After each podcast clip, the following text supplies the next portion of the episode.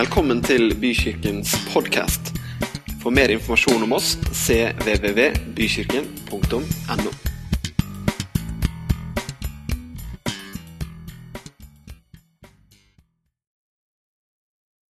God formiddag, alle sammen. Godt å se dere. Hyggelig. Absolutt. Veldig hyggelig å få være her og, og dele litt med dere i formiddag.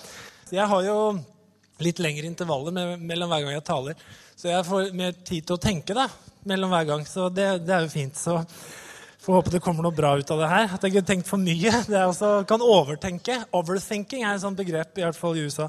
For du har tenkt for mye, og så går det ikke bra. Så får vi se. Men eh, jeg eh, skal eh, få muligheten til å dele litt med dere da de neste minuttene her. Og i dag så skal jeg dele en, ut fra en tittel som kommer opp her nå, kanskje. Som er, da overskriften 'Kirke i en individualistisk tid'. Det var litt sånn pretensiøs overskrift, men jeg tror vi skal lande bra. Jeg tenker, så jeg skal ikke forkynne evangeliet i dag. Jeg skal ikke undervise en, eh, et avsnitt fra Bibelen. Jeg har lyst til å snakke med deg litt om hva er kirke, eh, og hva tenker vi om kirke? Og hva, hva betyr det at vi er en kirke? Det kan du kanskje tenke at det har hørt mye om, men kanskje du kan høre litt nytt i dag og få noen nye tanker. Det er håpet mitt. Så det her er mer en sånn en refleksjon. Det betyr at det er ikke nødvendigvis sånn at alt jeg sier her i dag, er helt sant. Altså, Jeg skal ikke ljuge for deg, det er ikke det jeg sier, men når vi reflekterer litt rundt noen ting, så er det sånn at vi kan, vi kan ha litt samtale om ting, og så kan vi reflektere rundt ting. For jeg tror det at en kirke, eller kirken, hvordan den ser ut, det er grunnlagt på noen, noen elementer. Det ene elementet det er jo hva vi tror på, rent sånn teologisk, doktrinemessig. At Bibelen sier at Gud er én i tre og tre én. og sånn, ikke sant? Treenigheten. Vi tror på treenigheten, og det får konsekvenser for hvordan vi tenker og er kirke. Det andre er praksisen vår, hvordan vi gjør ting. Hvordan gjør vi lovsang? Hvordan gjør vi bønn? Hvordan gjør vi gudstjenester? Det er med å bestemme hvordan denne, denne, kirken er, eller hvilken som helst kirke er. Men det igjen kommer ut ifra hvilken filosofi vi har. Og Det snakker vi ofte ikke så mye om. Vi snakker kanskje ofte om hva vi tror på, og hvordan vi skal gjøre ting. Men så hopper vi noen ganger litt over hvorfor gjør vi det som vi gjør det. Hva er, hva er, grunnen til at vi har den filosofien vi har? For det har vi, en filosofi. Uansett om vi er bevisste eller ikke, så har vi en filosofi, altså en måte å gjøre ting på fordi vi har noen tanker rundt det.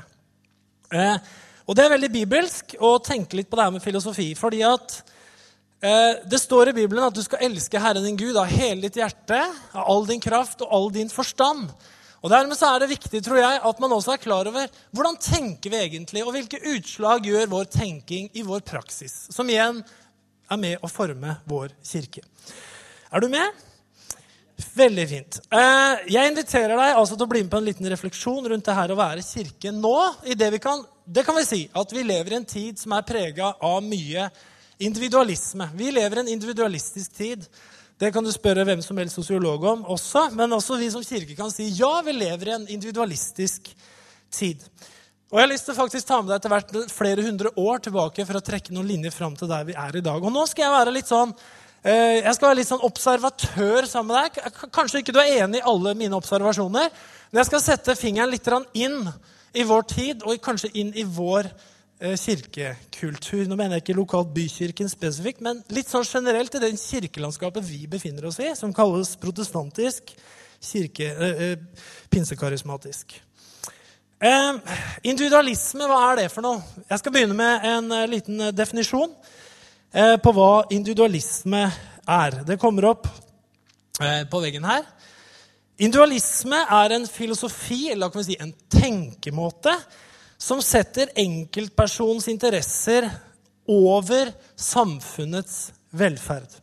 Individualisme innebærer at det som er til felles beste for de mange, underordnes det som er et privat gode for den enkelte.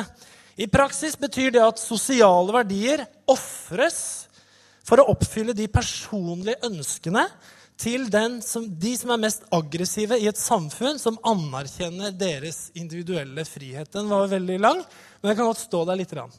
Kan du kikke på den? Eh, Jeg skal begynne med et par eh, uttalelser eh, av og rundt Jesus. Det kommer ikke opp her, men du kan høre etter. Det står et par kjente historier. I Matteus 8, 1-4, så er det en episode med Jesus. Det står så gikk Jesus ned fra fjellet, og store folkemengder fulgte ham. Nå kom det en mann som var spedalsk. Han kastet seg ned for ham og sa, 'Herre, om du vil, så kan du gjøre meg ren.' Jesus rakte ut hånden, rørte ved ham, og han svarte, 'Jeg vil', sa han. 'Jeg vil.' Og Jesus sa, 'Bli ren'. Straks ble mannen renset for spedalskheten. Men Jesus sa til ham, 'Si ikke dette til noen, men gå og vis deg for presten og bær fram det offeret som Moses har påbudt.' Det skal være et vitnesbyrd for dem. Men ikke fortell noen at jeg gjorde det her. Neste historie, Matteus 16. Forhistorien er at Jesus har spurt disiplene litt om hvem de tror han er. Noen sier jo at jeg er eh, en profet, og noen sier er Elias. Hva, hva sier dere? Noen sier døperen Johannes. Hva tenker dere om meg? har Jesus spurt disiplene. Eh, og eh, Peter kom med sitt eh, kjente svar. Du er Messias, den levende Guds sønn. Og Jesus tar da til orde og sier, Salig er du, Simon, sønn av Jonah. For dette har ikke kjøtt og blod åpenbart for deg, men min far i himmelen. Og jeg sier deg, du er Peter, og på denne klippen vil jeg bygge min kirke, og dødsrikets porter skal ikke få makt over den. Jeg vil gi deg himlenes nøkler, og det du binder på jorden, skal være bundet eh, i, i, i himmelen, og det du løser på jorden, skal være løst i himmelen. Så påla han disiplene ikke å si til noen at han var Messias. Og denne, denne type uttalelse fra Jesus det møter vi eh, mange ganger, men jeg tok bare et par eksempler. Altså, Jesus var tydeligvis ikke spesielt PR-kåt, kan vi si det sånn. Jesus var tydeligvis ikke spesielt interessert i å få stor oppmerksomhet rundt sin egen person. Og fikk han jo det etter hvert. Men han gjorde hele tida, og veldig mange ganger, det stikk motsatte. Han sa til folk nå har jeg helbreda deg, men vær så snill, ikke si det til noen at jeg har gjort det. Og det, Nå har dere liksom avslørt at jeg er Messias, men vær så snill, ikke gå og spre det at Messias har kommet. Ikke enda, i hvert fall. Ikke før jeg har dratt. Eh, han demonstrerer veldig liten vilje til å sette seg sjøl i sentrum på den måten der. Han ville, sånn som vi forstår det, gjerne bli etterfulgt, men ikke på hvilken som helst måte og ikke på et hvilket som helst grunnlag. Eh, han visste at han måtte synes, selvfølgelig. Han måtte bli synlig, Hans gjerning måtte bli synlig.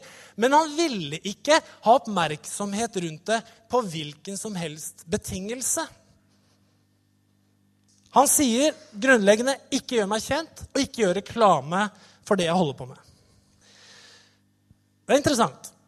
En annen ting som er litt interessant, litt sånn i samme gata Når vi leser Nytestamentet Jeg husker for mange år siden jeg var bibelskolerektor.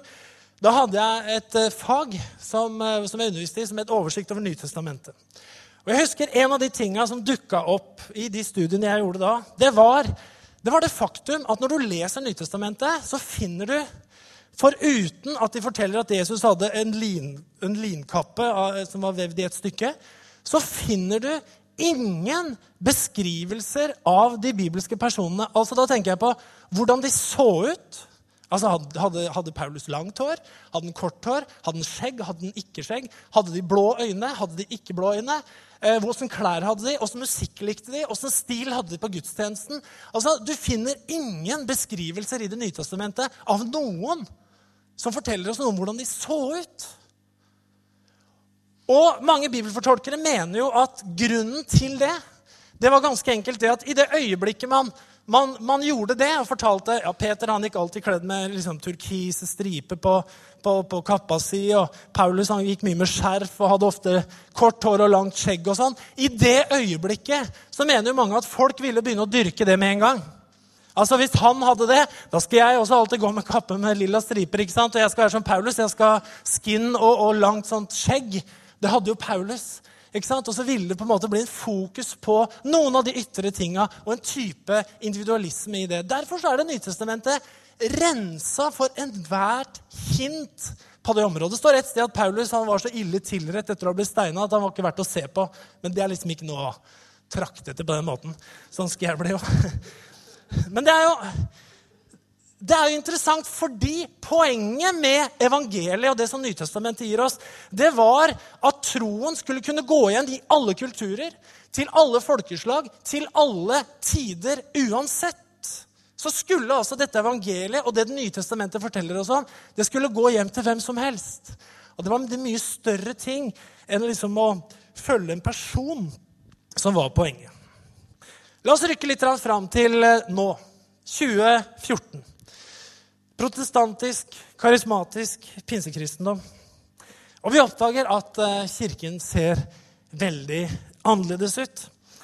Eh, om vi på de områdene her som jeg har nevnt akkurat nå, skal ta fram en liten sånn sammenligning, så kan vi ta fram noen punkter på det. Eh, ledere og profilering av ledere det synes å være en veldig viktig suksessfaktor. Websider, nyhetsbrev, magasiner av alle slag har gjerne overveldende mange bilder av lederen med stor L. Den man for øyeblikket tjener på å assosiere seg med, den man følger, den som liksom er i skuddet akkurat nå. Eh, jeg husker, jeg har vokst opp i pinsebevegelsen, og, og den var jo litt sånn moderat på de tingene her. Første gang jeg virkelig kom i kontakt med sånn masseeksponering av ledere, det var når jeg i rundt 1990 reiste til Sverige på Livets Ord. Det glemmer jeg aldri.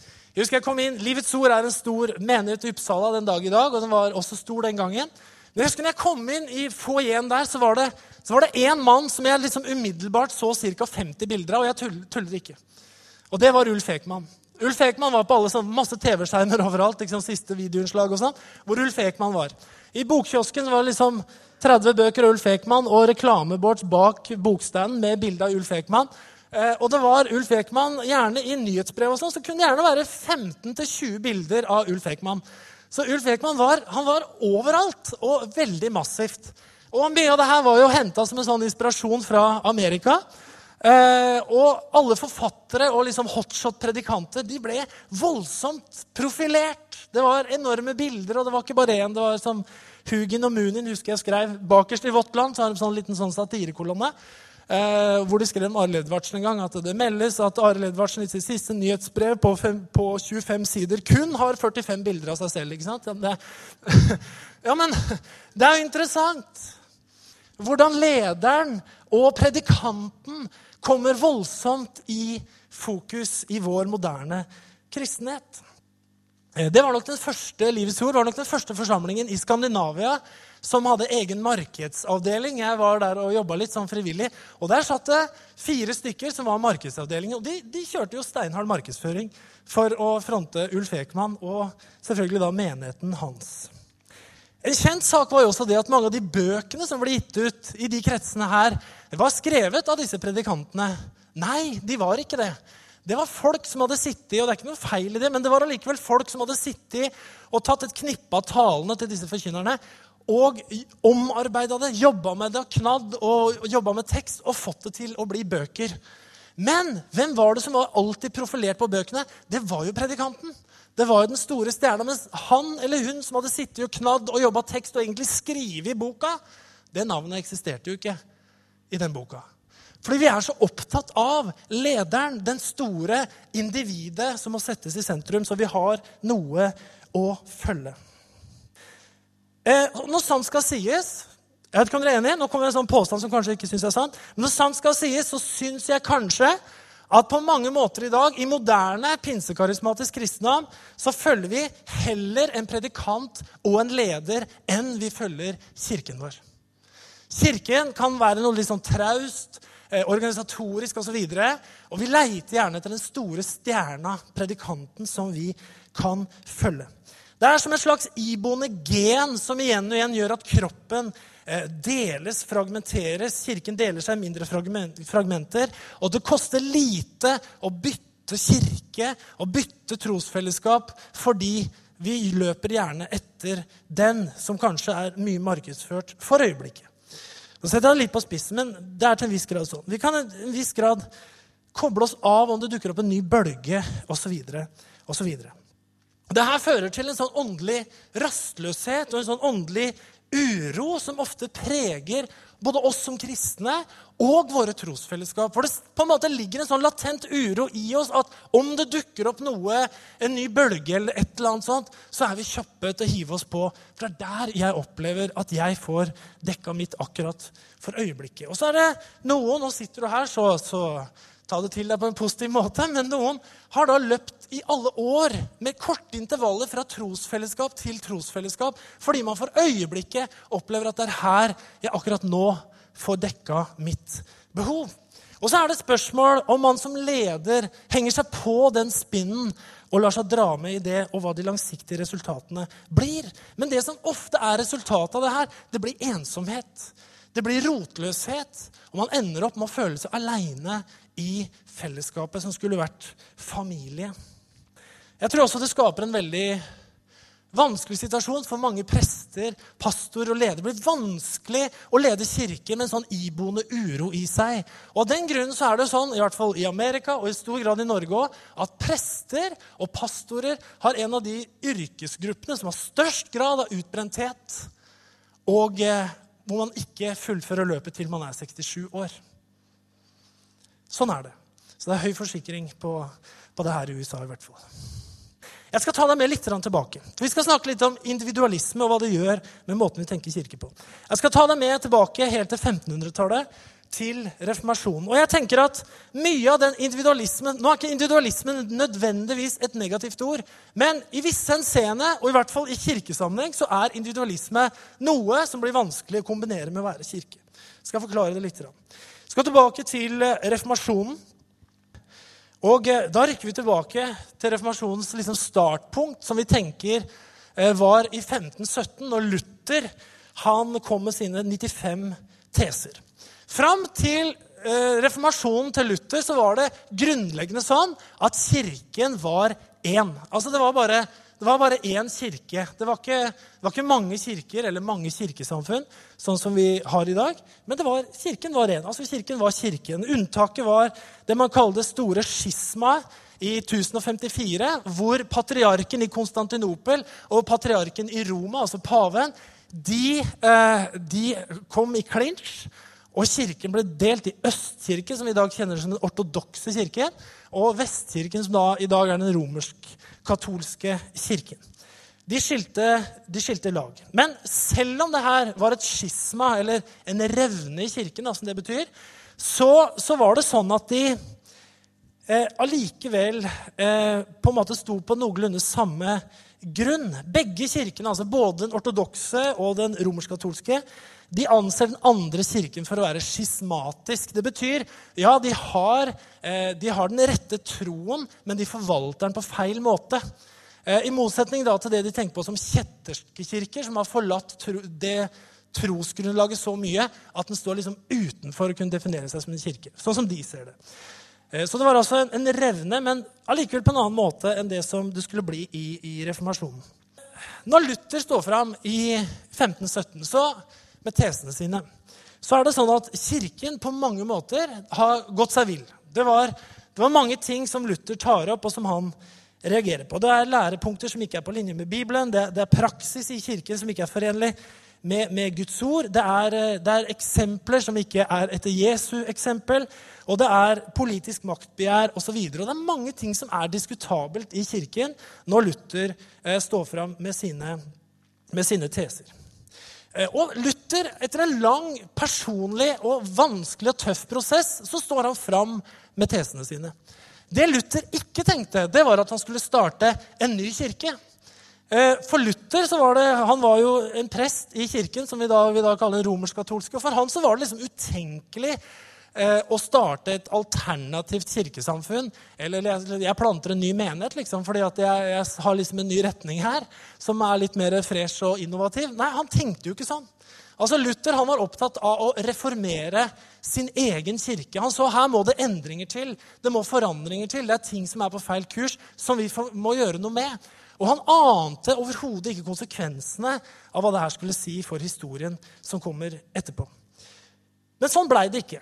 Luthers opprør og opposisjon til deler av sin egen kirkes og, og, og praksis det førte til at han ble såkalt ekskommunikert. Dvs. Si, eh, communion, altså eh, nattverden, han ble ekskommunikert. Altså han ble tatt vekk fra retten til å dele nattverdsfellesskapet i kirken. Og Det var det samme som å si at du er støtt ut fra kirken. Du er ikke lenger en del av kirken, fordi nattverden er liksom den ytterste eh, uttrykket for at vi deler Kristi kropp sammen. Vi spiser hans eh, kjød og drikker hans blod. ikke sant? Eh, samtidig så er det sånn at eh, Luther, eh, etter hvert det Luther sto for, det ble ganske begjærlig grepet. Ikke av folk som ble omvendt pga. vekkelse, men av tyske fyrster. Det var jo sånn at Den romersk-katolske kirken hadde jo voldsom eh, politisk innflytelse, og det hadde stor materiell innflytelse. Så den, Kirken eide landområder, de eide bygninger, de eide kirker, og de påla skatter til en del av disse fyrstene. Så disse fyrstene de så som en glimrende anledning til å rive seg løs fra kirken og få disse eiendommene selv, slippe å betale skatt til kirken osv. Så, videre. så for dem så ble Luthers lære det ble en anledning til å rive seg løs fra den store kirken, sånn at de kunne ha større selvstyre i sitt eget fyrstedømme. Og det skal være klar over at det her var ikke snakk om noe vekkelse, egentlig, i den forstand. Det var snakk om rene politiske og økonomiske motiver. Eh, Luther han eh, kommer eh, til, eh, til eh, å bli innkalt til en riksdag i, i, i Worms etter hvert. Men det mange ikke tenker på, men som på en veldig kraftfull måte ble utløst via Luther og reformasjonen, det var en ny religiøs individualisme som har mye større ringvirkninger i dag enn det Luther kunne ha drømt om å se for seg. Mange mener at reformasjonen er starten på den individualisme som vi ser i dag. På hardcore kapitalisme, på politiske systemer og hele materialismen mener mange har mye sin rot i den individualismen som, som, kom via Luther. Jeg skal forklare litt hvorfor. Saken er nemlig den at Luther på en kraftfull måte brøyt med tradisjonen. Eh, jeg skal si litt om, om tradisjon, for det er litt sånn fremmed for oss når vi snakker om tradisjon. Hva, hva mener du? Mener du tradisjoner som vi har liksom pådratt oss? Nei, tradisjonen med stor T. Noen ord om tradisjon.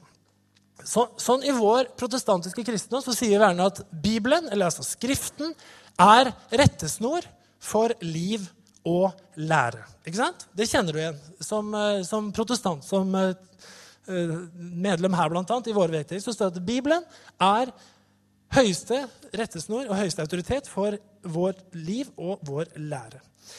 Men sånn var det ikke den gangen eh, i kirken som Luther kom fra. Og sånn er det fortsatt ikke den dag i dag i den romersk-katolske kirken. Der var det sånn at De ville si at Skriften og tradisjonen det er rettesnor for liv og lære. Litt sånn parafrasert sagt. Man tuftes altså ikke det man gjorde på Skriften alene, som Luther kom til å si. Han sa sola scriptura. Sånn. Skriften alene, sier han. Mens kirken tidligere, de sa, og romersk-katolske kirken sier Skriften og tradisjonen er det som vi bygger vårt liv og vår lære på. Eh, når de skal beskrive selv hva det her betyr, så sier man at tradisjonen med stor T er kirkens måte å være kirke på. Oppfylle sitt oppdrag på i sin tid og rom med hensyn til å leve troen, vitne om den og reflektere over den. Den katolske kirkens katekismus, KKK, det er ikke Ku Klan, sier det slik ved å sitere konsiliedokumentet Dei verbum Ved tradisjonen er det at alt hva Kirken selv er, alt hva den tror, føres videre i liv, lære, kult og overleveres til alle slektsledd.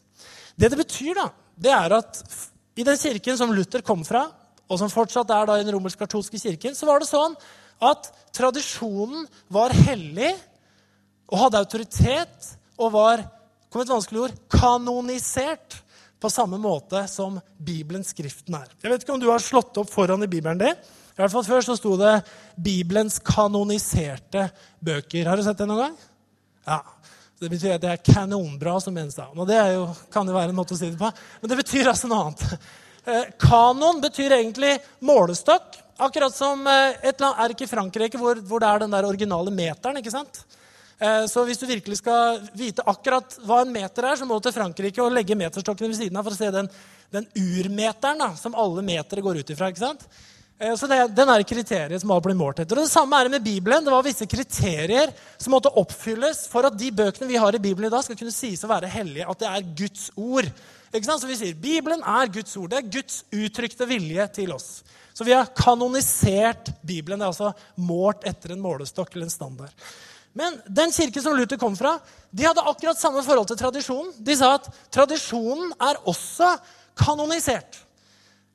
Tradisjonen er også guddommelig. Så like mye som vi følger Bibelen, så følger vi Kirkens tradisjon. Den er like viktig og like hellig som Skriften. Hvis ikke, så kan jo hvem som helst uten tradisjon ta Bibelen og så kan de si ja, jeg oppfatter at her står det sånn og sånn og sånn, og da er det det som er riktig. Men da kunne den kirken si nei, det bryter med tradisjonen. kunne de si. Du må føye deg inn under liksom flere hundre år og tusen års tradisjon for å forstå det her på riktig måte. Luther gjør et opprør. Han blir ekskommunikert, som jeg sa. Han blir satt utenfor nattverdsfellesskapet. Og så blir han innkalt til riksdagen i Worms i Tyskland 17. april 1521. Da ble han innkalt til forhandlinger. Frimodig så fastholdt han sine skrifter overfor keiseren Karl 5. og de forsamlede riksstendene. På spørsmål om han ville forsvare tesene sine, så ba Luther om betenkningstid. Og han kommer tilbake dagen etterpå og holder en kraftfull tale som de sier var vel forberedt, og han avslo enhver tilbakekalling av tesene sine. Luther sier sånn her Hvis jeg ikke blir beseiret ved Skriftens vitnesbyrd eller ved åpenbare fornuftsargumenter, for jeg tror verken på paven eller konsiliene alene, ettersom det står fast at de flere ganger har tatt feil eller har motsagt hverandre, så forblir jeg beseiret ved de skriftsteder jeg har anført, og min samvittighet forblir fanget i Guds ord. Jeg verken kan eller vil tilbakekalle noe, for det verken er sikkert eller frelsesbringende å gjøre noe mot ens samvittighet. Gud hjelpe meg. Amen. Det er hva Luther sier. Og da, da, var, da gikk bommen ned. altså. Da var det over og ut, og han ble ekskommunikert. Helt eh, liksom final. Men her skjer det nemlig noe veldig interessant. Luther legger til grunn at det jeg opplever er riktig, tar jeg ut fra to kilder. Det ene er at jeg leser selv i Bibelen. Og det andre er at jeg opplever i min samvittighet. Keiser Karl han var rasende. Han holdt en tale mot Luther og sa det du gjør, er at du med din egen samvittighet og din egen personlige oppfatning setter deg over 1000 år med kirkelig tradisjon. Hvem tror du at du er? Det var ikke så ulogisk å spørre spørsmålet.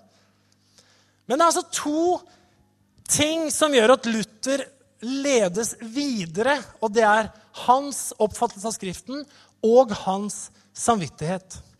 Og her fødes individualismen og religiøs individualisme i kirken.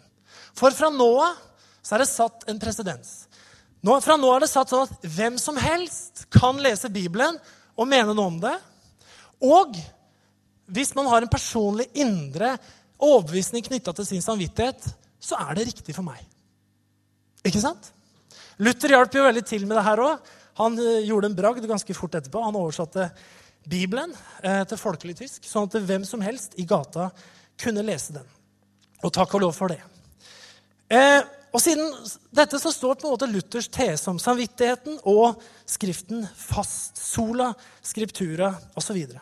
så den som har sett det i Bibelen og kjenner i sin samvittighet, han kan gå på det. Jeg tror ikke Luther egentlig helt kanskje skjønte hva han satte i gang. Eh, men resultatet på godt og vondt det har gitt oss den protestantiske kirkehistorien. som både er prega av fantastiske kirkelige bevegelser, av vekkelser, av åpenbaring, men også like mye av kirkesplittelser, menighetssplittelser og nye skudd som har skutt ut og blitt borte osv. Den protestantiske kirketreet er et kjempestort, forvirrende tre med ufattelig mange greiner. Noen har båret god frukt, og noen har absolutt ikke båret frukt i det hele tatt. Men poenget er at det ble født en type religiøs individualisme ut fra dette her. Vi kan si at religiøs individualisme fører til at den kristne føler seg fri til å sette sin egen personlige overbevisning i forhold til tro, dogme, praksis og kirketenkning først i rekken når man tar sine vurderinger.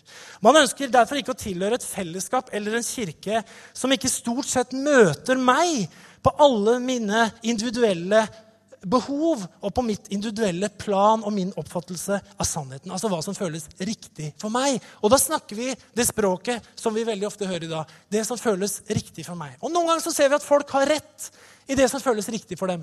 Mens andre ganger så går de så feil. Så utrolig feil. For det de følte og opplevde det var feil. Det gikk ikke. Det bærte ikke frukt. Religiøs individualisme i et nøtteskall det er at min sannhet er min sannhet, og det er den som teller for meg. Andre områder som ble prega av individualismen, er, var både etikk, etisk individualisme, politisk individualisme. Og det er sånn, bare for å lese, sånn, så du ikke bruker lang tid på det, at etisk individualisme betyr Altså at man ikke fastholder etikk grunnlag på dogmer, bibel eller kirkelig autoritet, men finner sin egen ettersom man føler det er riktig. Og det er jo samfunnet vårt fullt av i dag. Etisk individualisme. Vi har tusen svar på de samme spørsmåla om hva som er rett og galt på mange områder. Politisk individualisme det betyr altså at politikken som styrer staten, setter individet fremfor fellesskapet i sentrum. Staten er til for individet. Og eh, Individet er ikke til for fellesskapet. Og det er litt sånn interessant også i forhold til å tenke kirke. Jeg skal eh, gå litt videre. Litt tilbake til i dag. Jeg har vokst opp både som barn, forkynner og pastor i pinsebevegelsen. Og I denne bevegelsen vår så er det visse mantraer, visse utfordringer, visse sannheter som blir gjentatt, og som vi baler med og har gjort i svært lang tid. Eh, det som er interessant for med pinsebevegelsen, er at hver enkelt menighet skal være selvstendig. Eh, det er liksom det bibelske, er det mange som hevder. Og det er litt diskusjoner på det her, det er det absolutt. Men for mange er det veldig viktig at hver enkelt menighet er selvstendig. Og det, saken er at i verden så fins det knapt nok et eneste trosfellesskap, kirkesamfunn, bevegelse, som tenker akkurat sånn. Og jeg vil si det er egentlig Ikke si det. Ganske ubibelsk. Hver enkelt menighet skal altså være individuell og fri. Man skal ikke la et større fellesskap, en større kirkekropp, ha noen innflytelse på vår kirke. Vi aksepterer visse rammer, men grunnleggende så vil vi føle det vi føler er riktig og bra for oss. Vil du ikke det? Jo, da er vi frie. Men i den friheten, i individualisme, så fins det en stor fare. Man kan bli ensom. Vi vil ikke forholde oss til autoritet utenfor våre egne fysiske vegger. F.eks. noe sånt som biskop, eller at det betyr tilsynsmann, eller generalsekretær, nasjonalt lederskap eller noe sånt. Noe. Gud forby. Og Skulle det vært noe globalt, så hadde det vært enda verre. Mange forsamlinger er med i pinsebevegelsen på grunnlag av tanken What's in it for me? What's in it for us? Hva er problemet med det? Vi får i liten, eller kanskje ingen grad, en virkelig opplevelse å være en del av samme kirkebevegelse, og ender ofte opp som ikke si det, konkurrenter. Selv om vi aldri sier det høyt, for vi smiler og snakker om enhet. Men vi går på en måte ikke sammen som en kirkekropp men havner ofte som en viss type konkurrenter istedenfor å trekke samme vei. Vi står i fare for en del av fellesskapet på egoistisk grunnlag. Fellesskapet er til for å styrke oss og vår menighet. Vi er ikke til for å styrke fellesskapet. Så lenge fellesskapet styrker vår hensikt og vår visjon, så er vi med. I motsatt fall er fellesskapet uinteressant. Og vi er i ytterste konsekvens ikke interessert i å være med eller bli assosiert med den bevegelsen osv. Den individuelle friheten på et kirkelig, meningsmessig plan er også ufattelig viktig for veldig mange. Så hvis det er godt og vondt med det, men mest vondt. Fornyelse må jeg snakke litt om. Og generasjonsmotsetninger er evig tema i norske kirker, protestantiske kirker, og for vår del i pinse, pinsekirker. Vi tror på åndelig fornyelse. Vi er opptatt av fornyelse, og fornyelse har vi gjerne på to plan. Den ene formen for fornyelse er den åndelige, indre fornyelsen av den enkelte. Mens den andre den er ikke så vanskelig. For det er liksom bare herlig. Men den andre fornyelsen vi ofte er opptatt av, det er den ytre fornyelsen.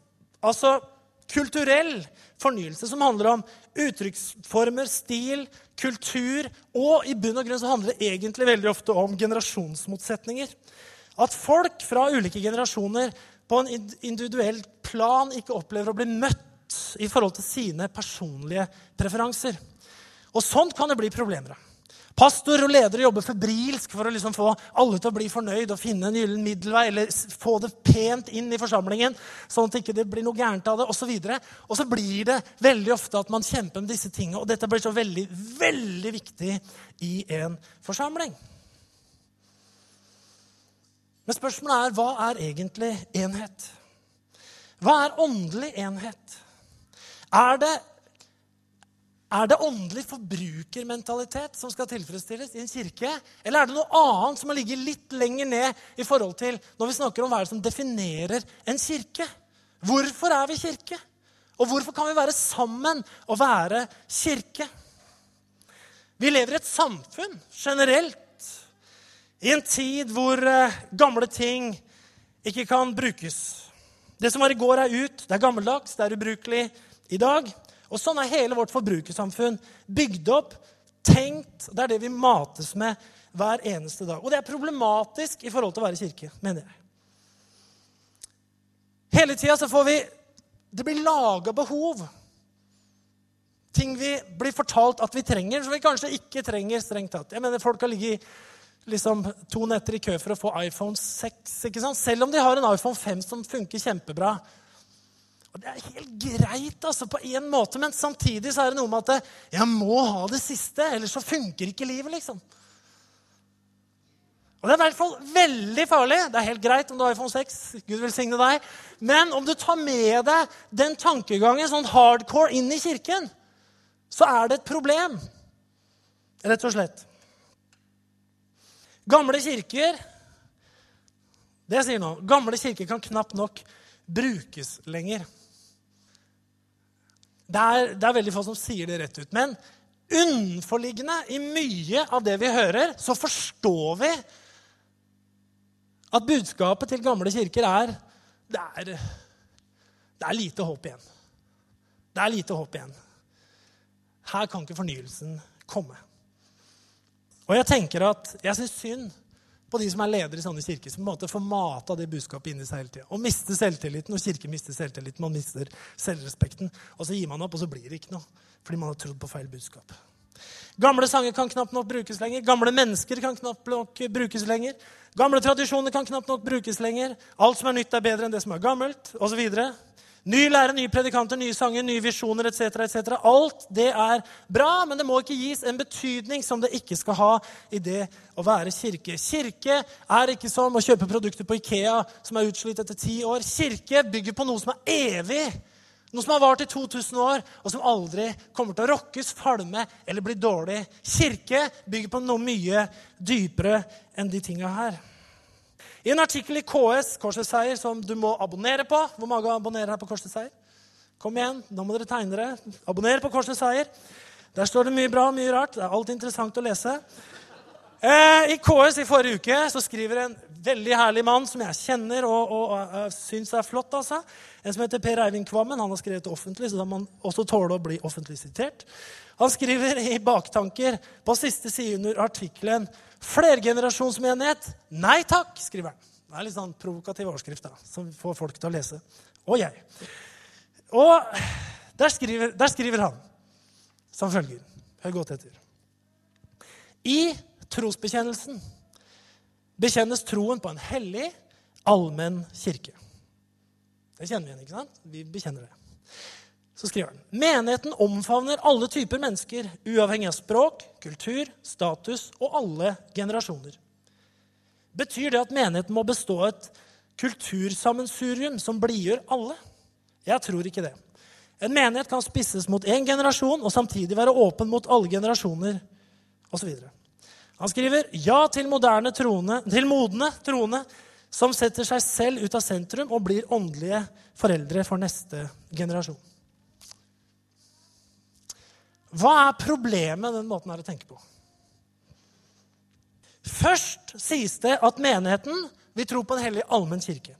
At menigheten skal omfavne alle typer mennesker, uavhengig av språk, kultur, status og generasjon. Deretter tenker man at det ikke må bli et kultursammensurium som blidgjør alle.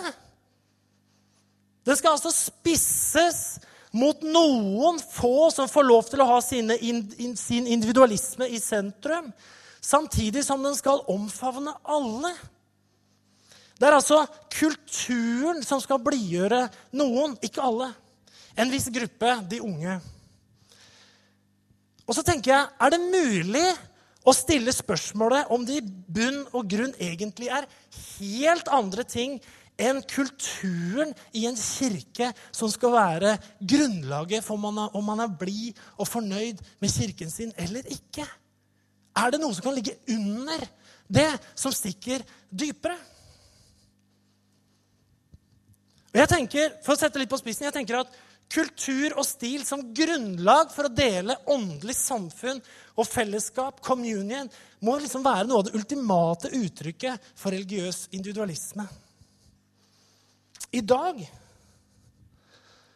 i den religiøse individualismens navn, i alle generasjoner, er kultur verktøy for kirkesplittelse og kirkedeling. Vi tror på det samme, men vi kan ikke være sammen, for vi deler ikke samme kultur. Hvor absurd er det sett i et 2000 år gammelt kirkeperspektiv? Jeg vet om en kirke rett oppi gata her som har utrolig mange nasjoner som samles hver eneste søndag.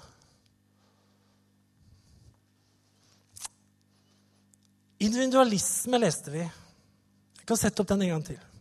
Er en filosofi som setter enkeltpersons interesser over kirkesamfunnets velferd.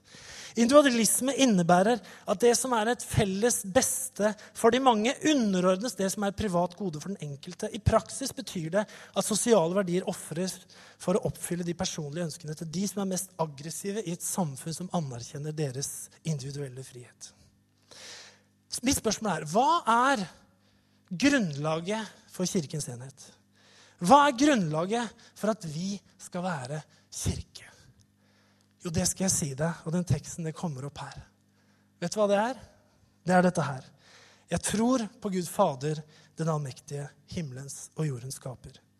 Jeg tror på Jesus Kristus, Guds enbårne sønn, vår Herre, som ble unnfanget ved Den hellige ånd som ble født av jomfru Maria, pint under Pontus Pilatus, korsfestet, død og begravet. For ned til dødsriket, sto opp fra de døde tredje dag, for opp til himmelen, sitter ved Guds den allmektige Faders høyre hånd, skal derfra komme hjem for å dømme levende og døde. Jeg tror på Den hellige ånd, en hellig allmenn kirke, de hellige samfunn, syndenes forlatelse, kroppens oppstandelse og det evige liv.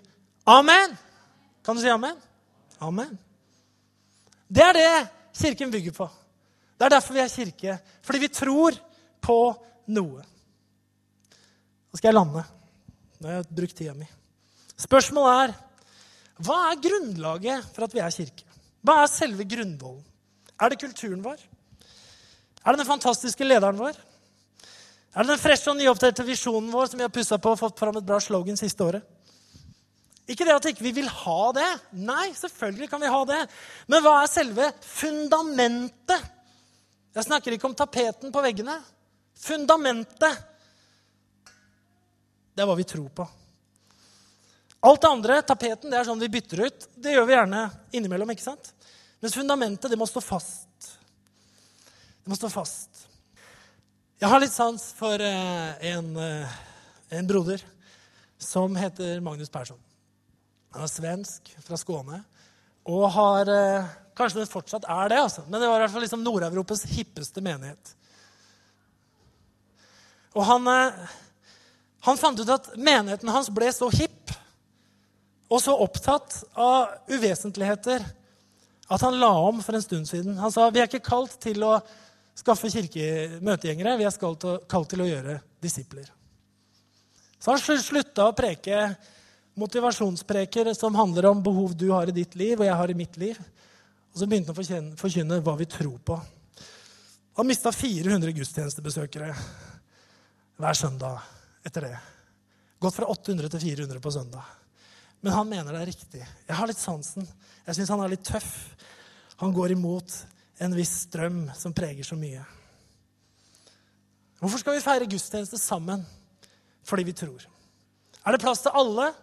Selvfølgelig. Så lenge Gud er i sentrum, tåler vi hverandre på tvers av generasjoner, kultur og sosial status. Amen. Jesus, vi går tilbake til ham. Han var ikke så opptatt av å bli førstesideoppslag i The Jerusalem Post. Han var ikke så opptatt av å være kjent og få suksess i menneskers øyne. Han var opptatt av å gjøre godt. Han var en som ga seg selv til Gud og mennesker, uselvisk og uredd. Jesus gjorde noe som Bibelen lærer oss, at den som gir, han får. Den som sår, han kommer til å høste.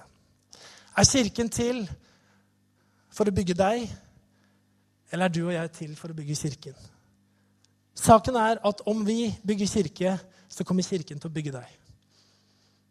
Men om kirken er til for å bare bygge deg, så er faren veldig stor for at du ikke kommer til å oppleve at den gjør det.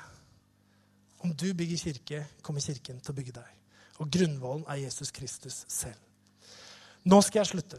Nå har jeg bare tømt ut av meg mange refleksjoner. Dere var med på at det var refleksjoner. ikke sant? Jeg sa Det er ikke sikkert alt jeg har sagt, er sant. Men jeg ville få deg til å tenke litt. Jeg ville få deg til å tenke litt hvor vi er i bevegelse, og hvorfor vi er kirke. Skal vi reise oss og så be sammen en bønn før jeg gir mikrofonen videre? Herre, vi takker deg for at du er kirkens grunnlegger. Vi takker deg, Jesus Kristus, for at du var den som skapte oss til å være et folk til ære for Guds navn. Vi takker deg, himmelske Far, at du ga oss noe som var evig. Du ga oss noe som kommer til å stå fast til alle tider, til alle generasjoner, i alle kulturer, til alle språk, uansett tid og sted. Vi takker deg for at vi får lov å være en del av denne kirken, Herre. Og så må du hjelpe oss, Herre, så vi holder tunga rett i munnen i den tida hvor vi lever. Så ikke vi blir invadert i våre liv av en type individualisme som gjør at vi er forbrukere, og ikke de som er med og bygger din kirke. Jeg takker deg for hver eneste en som er her, som er dyrebar og fantastisk. Og jeg ber om at du i dag bare gir oss litt større perspektiver rundt det å være kirke. Litt større vyer rundt det å være en del av en 2000 år gammel kirkekropp, Herre, som kom ut fra din døde oppstandelse på Golgata. Vi takker deg for det i Jesu mektige navn. Herre, led oss, bevare oss og frels oss inn i framtida til din ære. Amen. Amen. Tusen, tusen takk, Magnar, for et veldig utfordrende og bra budskap utrolig viktig å tenke på hvorfor gjør vi det vi gjør. Eh, og det å sette opp kirka mot den individualistiske samfunnet vi er en del av, det er veldig spennende og veldig relevant, tenker jeg. Så kjempebra. Takk skal du ha for det. Eh, hvis det er sånn at du ikke har koblet deg på kirke i det hele tatt tidligere, hvis du ikke har tenkt så mye på hva dette her egentlig handler om, hvis du ikke kjenner Jesus, hvis ikke du eh, er kobla på det i det hele tatt, så har du muligheten til å gjøre det i dag. Du har muligheten til å komme nærmere Han Kanskje du har merka at dette her er et fellesskap jeg har lyst til å være en del av. Og det kan, du, det kan du virkelig være uten å tro på det samme som oss. Så skal du få føle deg velkommen og, og, være en del av det vi holder på med her. Men jeg tror likevel at det er noe inni deg som kjenner at åh, jeg har lyst til å komme meg på denne guden, denne Jesus som ikke, ikke sto fram for å stå frem, men for å forandre verden. Ikke for å eh, ha et eget PR-byrå i, i ryggen, men for å virkelig gjøre en forskjell i menneskers liv. Han har lyst til å endre ditt liv også. Han, har lyst, han ser deg som et individ, og han ser at du har en eh, plan. Altså, han har en plan for at du skal være en del av et større fellesskap som endrer verden. Og det er kirka som mange har snakker om i dag. Og den muligheten syns jeg du skal ta. Eh, ikke sikkert du trenger å ta den i dag, men tenk veldig nøye gjennom det. Hva er det egentlig jeg lever for? Hva er det mitt liv inneholder? Og hva er den store sammenhengen jeg skal tilhøre? Eh, Så det syns jeg du skal tenke på. Eh, ok, da skal vi få avslutte med en herlig sang til, og så blir det fint sammen samvær etterpå i kafeen vår. Og så ønsker jeg deg en fin dag videre. Jeg bare be litt før jeg går av. Takk, kjære Gud, for at vi får samles i ditt navn. Du er større enn oss. Du er større enn den tiden vi lever i, for du har vært til stede i alle tider. Og, og, vi er ydmyke på at vi ikke vet alltid hvor vi skal gå, ikke alltid vet hva som skjer, men Gud, du er den vi samles om. Jesus, det du sa, det du gjorde og det du forandra på da du kom i verden, det er årsaken til at vi står her i dag. Og jeg ber her om at det skal være fokus i livet vårt, at det skal være deg livet vårt handler om, og at vi skal finne det ankeret i livet. Om vi har vært en del av ditt liv i mange år, om du har vært hos oss lenge, eller om du ennå ikke har kommet inn i hjertene våre, så takk for at vi kan få komme nærmere deg hver eneste gang vi selv ønsker det. Ja. Amen.